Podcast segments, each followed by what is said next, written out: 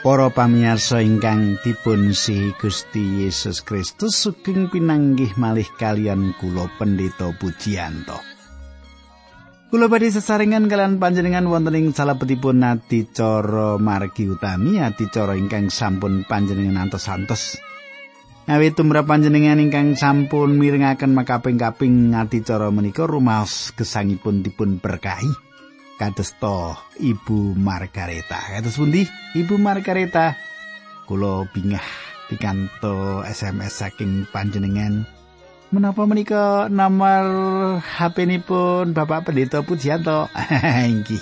Nah, menika pesen CD, pesen kaset uyon-uyon kidung karo hanen saking lembaga kawula makaten nggih. Nah para pamirsa ingkang kula tresnani, monggo panjenengan nyaket kalian kalau mriki menawi panjenengan kepingin dipun berkahi Gusti adicara margi utami badhe sesarengan kalian panjenengan. Sugeng midhangetaken adicara menika.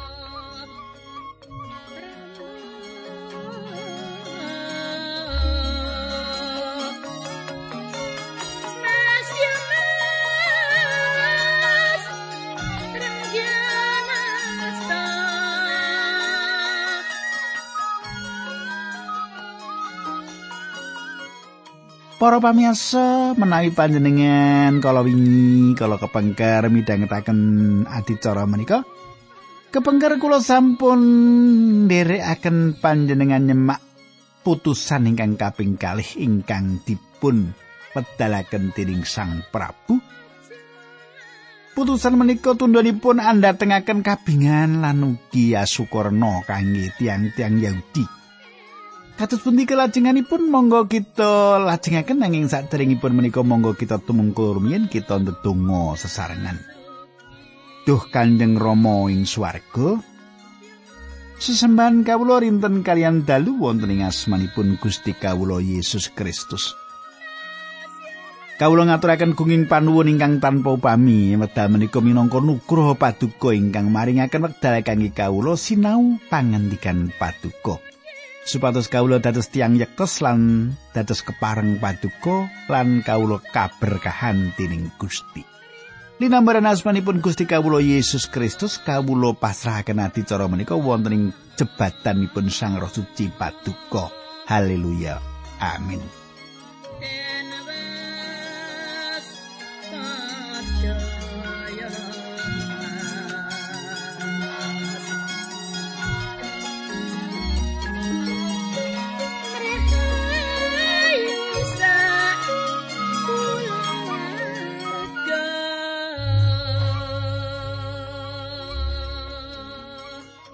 Para pamirsa samenika pasinaon kita lumebet kitab Esther bab 9 bab 8 sampun rampung. Sampun titi mangsanipun kangenipun tiang Yahudi kangge mejahi para mangsaipun. Kula wasaken wiwit ayat setunggalan kali. Kecerita nalika tanggal telulas sasi adar ya kuwi dina sing ditetepake kanggo nindakake perintah Sang Prabu ing wong Yahudi. Dina kuwi wis dianti-anti dening para satrune wong Yahudi sing arep numpes bangsa mau nanging dadine kosok balen. Wong-wong mau malah ditumpes dening wong Yahudi. Wong-wong Yahudi ing saben kutha padha nglumpuk lan nyerang kabeh wong sing duwe niat ala marang wong Yahudi. Bangsa ndi padha geter nganti ora ana wong siji wae sing wani ngadepi wong Yahudi. Katang kula. Tiang Yahudi nyawisaken badanipun kangge nyerang. Putusan inggal sang Prabu ngayomi bangsa menika dados bangsa Yahudi menika cecawis milani badan piyambak. Ingkang yang satunggal sejarawan Yunani ingkang nami Herodotus nyerat bilih Ahasiweros wangsul saking anggenipun kawon perang saking Yunani. Kinten-kinten tahun patang sakdaringipun sang Kristus. Lan bilih semaipun Amestris satunggalipun ratu ingkang adem lan remen dendam. Saged ugi ingkang dipun kajengaken Esther saged kemawon makaten lan kangginipun tiang Jawi saged dipun mangertos bilih Esther ketinggal awetek adem lan dendeman Saambotenipun piyambakipun budidaya ngrampungi sedaya menapa ingkang dipun tindakaken Haman ingkang awon lan ugi Esther sanget milu jengaken bangsanipun saking mengsah-mensahipun ing wedha semanten. Kadang kula Wonten tiang ingkang rumaos pilih patrap ingkang boten aturan lan kejem dipun tindakaken satunggal pengadilan atas tiang-tiang ingkang dados balanipun Hitler ing wekdal dipun kunjoro. Nanging sejatosipun balanipun Hitler menika tiang awon. Menapa ingkang dipun tindakaken balanipun Hitler wonten kam konsentrasi saestu boten gadah peri kamanungsan. Tiang ingkang boten ngraosaken wedal jaman Hitler panci gadah usul supados balanipun Hitler boten kapatrapan keras kados makaten. Nanging tumrap tiang ingkang mangertos cariyos ingkang sejatosipun, mangertos bilih balanipun Hitler menika sampun nampeni keadilan. Ayat 3 lan sekawan bab songo kitab Esther. Malah para panggedhene provinsi, para gubernur, bupati lan para punggawa negara kabeh padha ngrewangi wong Yahudi merga kabeh padha wedi marang Mordekai. Sanegara kabeh padha ngerti yen Mordekai kuwi gedhe pengaruhe ing kedaton lan panguasane saya gedhe. Para pamirsa, samenika Mordekai piyambak wonten ing pihakipun Sang Prabu. Haman ingkang badhe nyirnakaken tiang Yahudi sampun boten wonten. Pengageng rumiyin ngipati-pati tiang Yahudi samenika ngayomi tiang Yahudi. Panguwasipun Gusti Allah jangkung kita ing wekdal menika Rasul Paulus meratelaken ing Rom 8 ayat 3 ngantos 3 sekawan. Sopo sing wani ngugat marang umat sing dipilih dening Gusti Allah? Gusti Allah piyambak wis meratelake yen wong-wong kuwi ora salah. Apa ana wong sing bisa ngukum wong-wong mau? Gusti Yesus Kristus sing wis nglampahi sedo, wis wungu lan banjur diparingi panguwasa dening Gusti Allah. Gusti Yesus mau malah dadi wakil kita ana ing ngarsane Gusti Allah. Para pamirsa, panjenengan gatosaken kados pundi panjenenganipun beneraken. Setunggal Sang Kristus sampun sedo. Kaping kalih panjenenganipun sampun wungu, kaping tiga panjenenganipun malah lenggah ing sisih kananipun Allah lan kaping sekawan panjenenganipun dados pantoro kita. Para pamirsa, inggih menika ingkang dados landesan. Tiang boten saged ngipati-pati tiang pitados.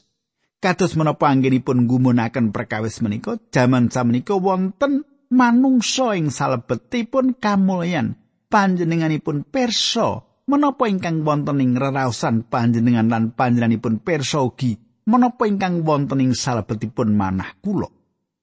Ing salebetipun kahanan ingkang katut makaten menika panjenenganipun dados pantoro kita.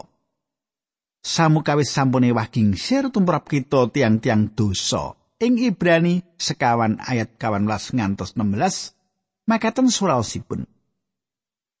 Sarene mengkono mulane kita padha ngantepono marang sahadat kita awet kita padha duwe iman agung sing wis sowan ngarsane Allah ya kuwi Gusti Yesus putrane Allah. Imam agung kita iki dudu wong sing ora bisa ngrasakake kaapasan kita. Malah panjenengane wis ngalami kagodha ing samubarang perkara, ora beda karo kita dhewe, mung panjenengane ora gawe dosa. Mulane ayo kita padha kelawan kendel marake ngarsane Allah kang dadi etuwing sih rahmat kang luber-luber. Kita bakal nampa kawelasan sarta oleh sih rahmat ing wektune. Kadang kula.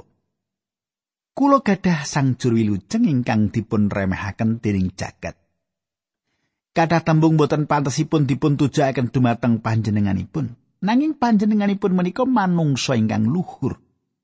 Panjenenganipun menika raja atas sedaya raja. Panjenenganipun menika Gusti atas sedaya Gusti. Panjenenganipun menika kembang bakung ingkang wonten ing ari. Inggih panjenenganipun menika ingkang dados kumendan prajurit sedasa ewu. Laning satunggalipun wekdal mangke panjenenganipun badhe rawuh malih. Kita ketah latihan sujud wonten ing ngarsanipun manembah lan ngluhuraken panjenenganipun. Menika saestu penting. Panjenenganipun kedahipun tambah endah kegayutan kalian tambahipun dinten. wonten satunggal lagu ira-irahanipun semakin manis sementara tahun berlalu.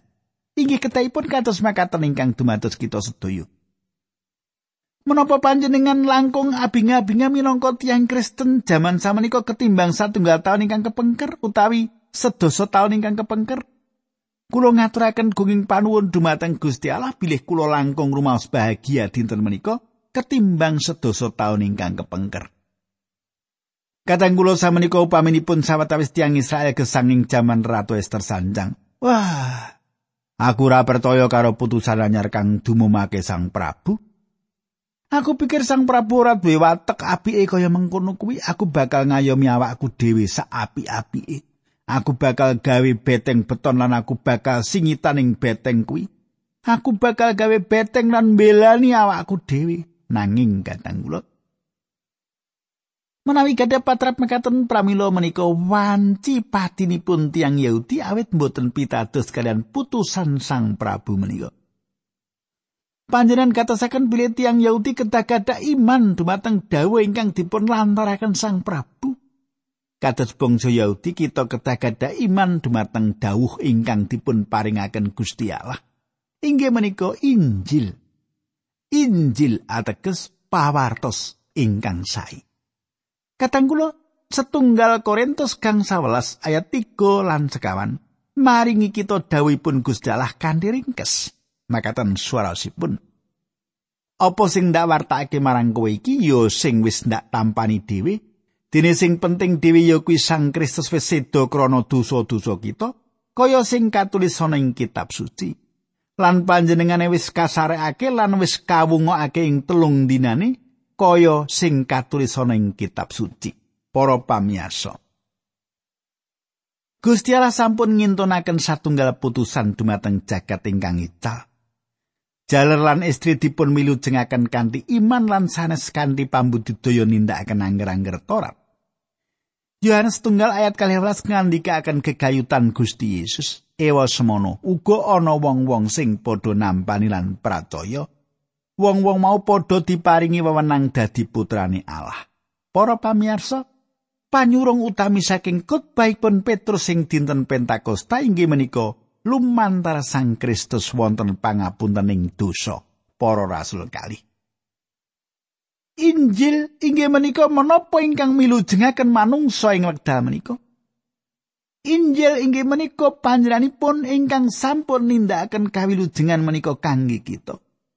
Menapa ingkang kita tampi mboten awit panyuwunipun Gusti Allah kangge panjenengan lan kula supados nindakaken satunggalipun perkawis supados wilujeng. Koso wangsulipun Injil inggih menika menapa ingkang sampun dipun tindakaken Gusti kangge kita. Menawi kita mboten pitados dumateng Sang Kristus, mboten gadah pengajeng-ajeng kangginipun kita sadaya.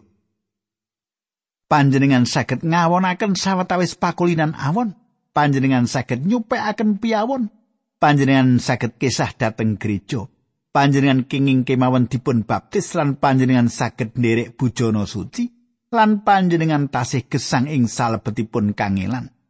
Satunggal-tunggalipun cara kangge gadah tentem rahayu ingkang nyoto inggih menika cepengan Gusti Allah ing pangandikanipun lan pitados dumateng dawuh-dawuhipun. Ewedal panjenengan kumandel dumateng pangandikanipun ing mriki wonten kawilujengan. Tiang Yahudi ingkang boten pitados dumateng putusan Sang Prabu babar pindah boten gadah pengajeng-ajeng. Nanging tiang Yahudi ingkang nampi putusan Sang Prabu badhe asukurna lan abingah-bingah.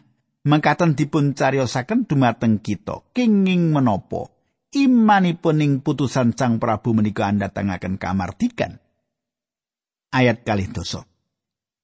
Sawise mengkono Mordekai banjur nyateti kedadian mau kabeh sarta kirim layang marang wong Yahudi kabeh sing ana ing negara Persia, iya sing cedhak, iya sing adoh. Kateng kula, kathah tiyang ingkang gadah pitakenan, sinten ingkang nyerat kitab Ester? Kula pitados perangan menika dumateng kita maringi satunggalipun pamrayogi bilih ingkang nyerat kitab menika inggih menika Mordekai. Samenika kita lajengaken ayat 6 ngantos 17. Mulane dina riyaya mau disebut Purim, layange Mordekai lan kabeh sing dialami dening wong Yahudi, kuwi anjalani wong Yahudi gawe pernatan kanggo awake dhewe lan kanggo anak turune lan kanggo wong kabeh sing klebu bangsa Yahudi. Manut pernatan mau wong Yahudi saben taun diwajibake mengeti dina loro sing ditetepake dening Mordekai mau. Kadang kula ing jaman samenika dinten riyaya Purim dipun riyayakaken dening tiang Yahudi ing griya pangibadah tiang Yahudi. Riyaya menika kebak sukarana lan mungkasi kanthi kawasaken kitab Ester menika. Sawetawis kitab menika dipun waos, tiang-tiang menika idu ing wekdal nami Haman dipun sebataken. Kulo mangertos bilih tiang-tiang menika meratelaken satunggal utawi kalih tembung karben jenenge diilangi utawa karben jenenge diipat-ipati. Salajengipun injingipun tiang-tiang menika nglempak sesarengan ngawontenaken ibadah bingah-bingah awit anggenipun Gusti Allah sampun merdekaken tiang-tiang menika manut prasetyo ingkang sampun dipun damel Gusti dumateng Abraham. Gusti Allah sampun ngendika ing purwaning dumadi kalih welas ayat 3. Sing sapa berkahi kowe bakal genti diberkahi nanging sing sapa nyupatani kowe bakal ganti ndak supatani. lan merga kowe saking bangsa ing bumi bakal binerkahan. Kadang kula kula lajengaken bab 9 Ester ayat 28 ana ing kono ditetepake kanggo ing selawase yen dina-dina purim kudu dieling-eling lan dimulyakake dening saben brayat Yahudi saben taler gotrah lan keluarga ana ing ngendi wae ing saben provinsi lan ing saben kutha. Para pamirsa, samenika pasinon kita lumebet kitab Ester sedoso. Ayat tunggal kali tiga, Rojo Ahasiweros nganakake kerja paksa sing kudu ditindakake dening rakyat, ora mung sing manggon pesisir nanging sing padha manggon ing daerah-daerah pedalaman. Hasil sang Prabu sing gedhe lan ngidapi-dapi, semono uga crita bab enggone ngangkat Mordekai dadi punggawa sing dhuwur pangkate kabeh ditulis ana ing kitab sejarah raja-raja Persia lan Media. Mordekai wong Yahudi kuwi tetep nggone dadi punggawa luhur sak ngidul raja Ahasiweros piyambak. Mordekai dihormati lan ditresnani dening bangsane dhewe mbudidaya kanggo keselamatan lan karaharjane bangsane lan anak turuni kadang kula. Panjenengan kula gadah juru wilujeng ingkang badhe andhatengaken tentrem rahayu ingkang nyoto dumateng jagat menika ing satunggalipun dinten mangkih. Perlu dipun serat bilih wonten tigang donga ingkang dipun aturaken tiyang Yahudi dumateng Gusti Allah ing dinten riyaya Purim. Ing donganipun ingkang kawitan tiang-tiang menika ngaturaken gunging panuwun dumateng Yehova. Bilih tiang-tiang menika dipun anggap wonten ajinipun. Ing donga ingkang kaping kalih tiang-tiang menika ngaturaken gunging panuwun dumateng Gusti Allah awit sampun ngreksa leluhuripun. Ing donga kaping tiga tiang-tiang menika ngaturaken gunging panuwun dumateng Gusti awit sampun saged ngraosaken gesang lan nikmati riyaya ingkang sanes. Para pamirsa, kita minangka jejeripun tiang Kristen ningali ing salebetipun pesta Paskah ngandhut satunggalipun makna kasukman. Setunggal Korintus kang sayat pitu Sang Kristus tempening Paskah wis kasembelih. Panjenenganipun menika kawilujengan Gusti Allah kangge kita. ing dinten riyaya purim kita ningali panguwas lan pangayomanipun Gusti Allah. Panjangkungipun anggenipun maha kuwasa kados priyantun ingkang nyerat kitab pulang bebasan meratelaken. Ulang bebasan 16 ayat 3 undi dianakake kanggo meruhi kersane Allah nanging Allah piyambak sing paring wangsulan. Gusti Allah badhe jangkung bangsanipun bangsa Israel. Panjenenganipun badhe njagi pasamanipun lan panjenenganipun badhe njagi tiang-tiang ingkang dados umat kagunganipun. Panjenenganipun kagungan pangwas milu jengaken ngantos pojok ing jagat sinten kemawon ingkang suwan dumateng Gusti Allah lumantar panjenenganipun. Kadang kula satunggalipun tanggapan ingkang mrihatosaken generasi jaman samenika bilih saperangan ageng tiang Kristen namung mangertos sekedhik lan boten mangertos kathah kegayutan pangreksanipun Gusti Allah. Tiang-tiang menika mboten sinau gesang kalian Allah ing salebetipun patunggilan ingkang caket sinambi bangun trut pangandikanipun Gusti Allah. Dipun pratelaken bilih panjenenganipun perso lan resnani lan gatosaken boten satunggal kemawon saking kaitosan menika ingkang mlebet panjenenganipun maringaken ingkang sae piyambak dumateng sinten kemawon ingkang masrahaken pilihanipun dumateng panjenenganipun. Para pamirsa, Gusti Allah ngersakaken nuntun panjenengan selaras kalian tetinggalanipun. Kita perlu budidaya langkung caket dumateng panjenenganipun ing wekdal menika. Kata-kata tiang pitados namung mangertos panjangkungipun Gusti Allah saking tebih lan menawi saking katepian tiang-tiang kala mboten purun dipun tuntun. Kadang kula Pinten kathahipun tiang Kristen ing wekdal menika ingkang lumampah ing salebeting kekajenganipun piyambak. Samukawis lumampah lancar, sang surya sumunar ing langit lan selo-selo dipun singkiraken saking marginipun. Anggenipun tiang-tiang menika sedayanipun saged dipun tindakaken piyambakan. Dados tiang-tiang menika mboten perlu madosi Gusti Allah. Ing satunggalipun dinten wonten angin coban wiwit nempuh. Alun wiwit ageng-ageng lan ngrisak. Margi dados peteng lan ujug-ujug tiang-tiang menika sambat dumateng panjenenganipun. Gusti. wilujengaken kula to Gusti. Kula meh kasilep to Gusti. Paduka tedahaken margi paduka Gusti. Salajengipun menawi tiang-tiang menika saged merantasi Kristus menika tiang-tiang menika. Gusti sampun mimpin kula.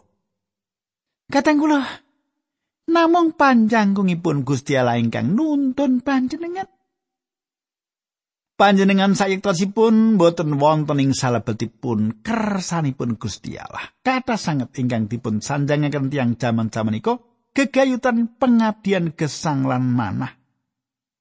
Kula boten nyuwun panjenengan sepatus masrahaken gesang kunjuk Gusti Allah. Panjenenganipun ngersakaken nuntun panjenengan samenika, panjenenganipun ngersakaken nuntun panjenengan kanthi langsung. Kula boten bertulis sinten panjenengan, utawi dateng pundi panjenengan kesah panjenenganipun badhe nguwaosi gesang panjenengan. Kadang kula panjenengan saged ugi tiyang ingkang kejem kados dene Hitler utawi Stalin utawi malah kados Yudas Iskariot. Gusti Allah nguwaosi gesang Yudas lan panjenenganipun badhe nguwaosi gesang panjenengan ugi.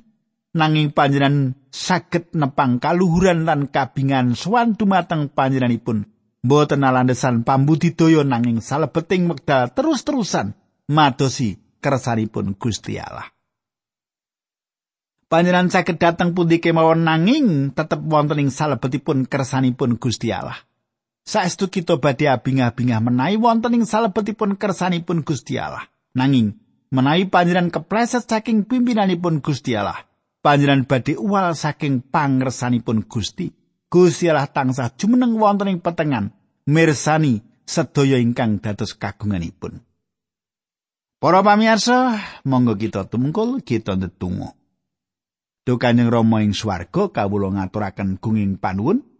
Menawi dalem menika kawula saged sesarengan sinau kitab Ester, Gusti mereka istri kawula menika lan kawula matur nuwun tuntunanipun Gusti ngantos kawula sampun saged ngerampungaken kitab Ester.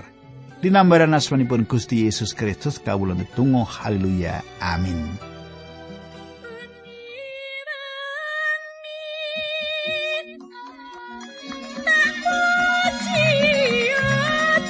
家